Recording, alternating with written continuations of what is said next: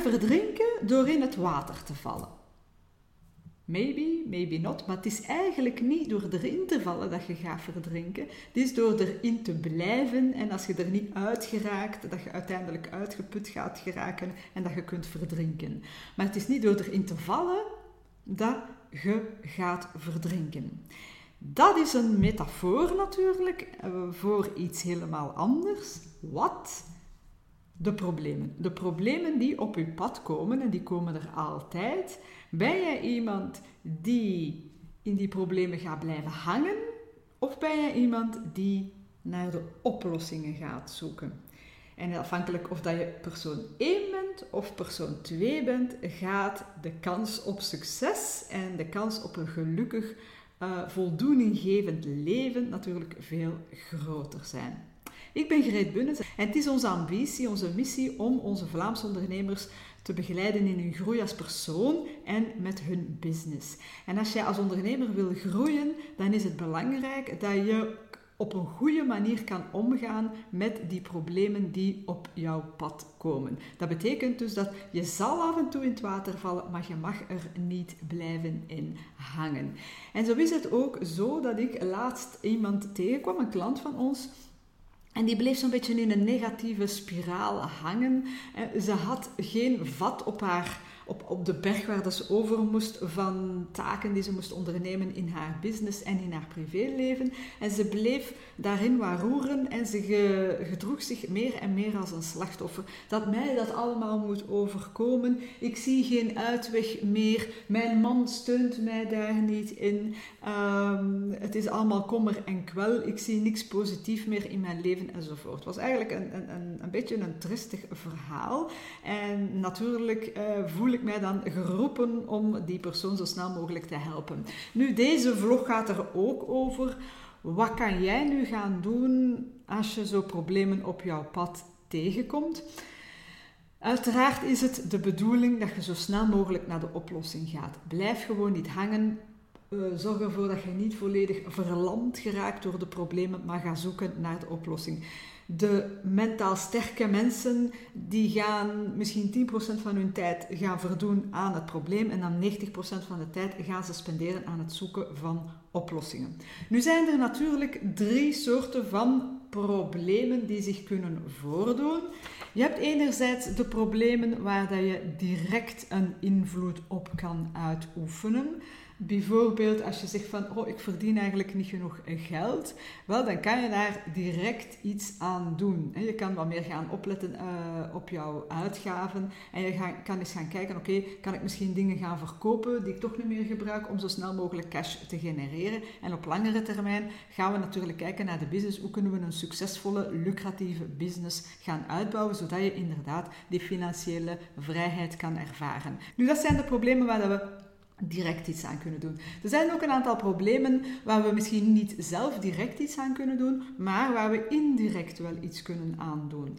bijvoorbeeld als je zegt van, um, goh, ik heb hier nu een juridisch probleem, um, ik krijg hier een, een, aanmaning van een factuur, maar uh, dit is een volledig verkeerde factuur, dan kan je natuurlijk de hulp gaan inroepen bij bijvoorbeeld juristen, advocaten, om jou daarbij te gaan helpen. Dus dat is een indirect manier om te helpen. Of als je een andere situatie hebt waarbij je je netwerk kan gaan aanspreken, dat is ook een, een probleem dat zich misschien in, eh, voordoet, waar dat je zelf niet onmiddellijk de oplossing voor hebt, maar waar dat jouw netwerk, andere mensen, wel, jou wel bij kunnen helpen. Vandaar ook nog eens het belang van een goed netwerk te hebben, een kwalitatief netwerk van mensen die bereid zijn om jou te helpen.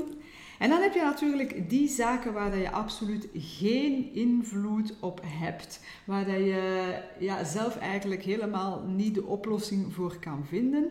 De, sommige dingen gebeuren nu eenmaal. Als iemand jou heel erg uh, een heel erg nare feedback geeft, bijvoorbeeld, ja, je kan daar eigenlijk niks aan doen.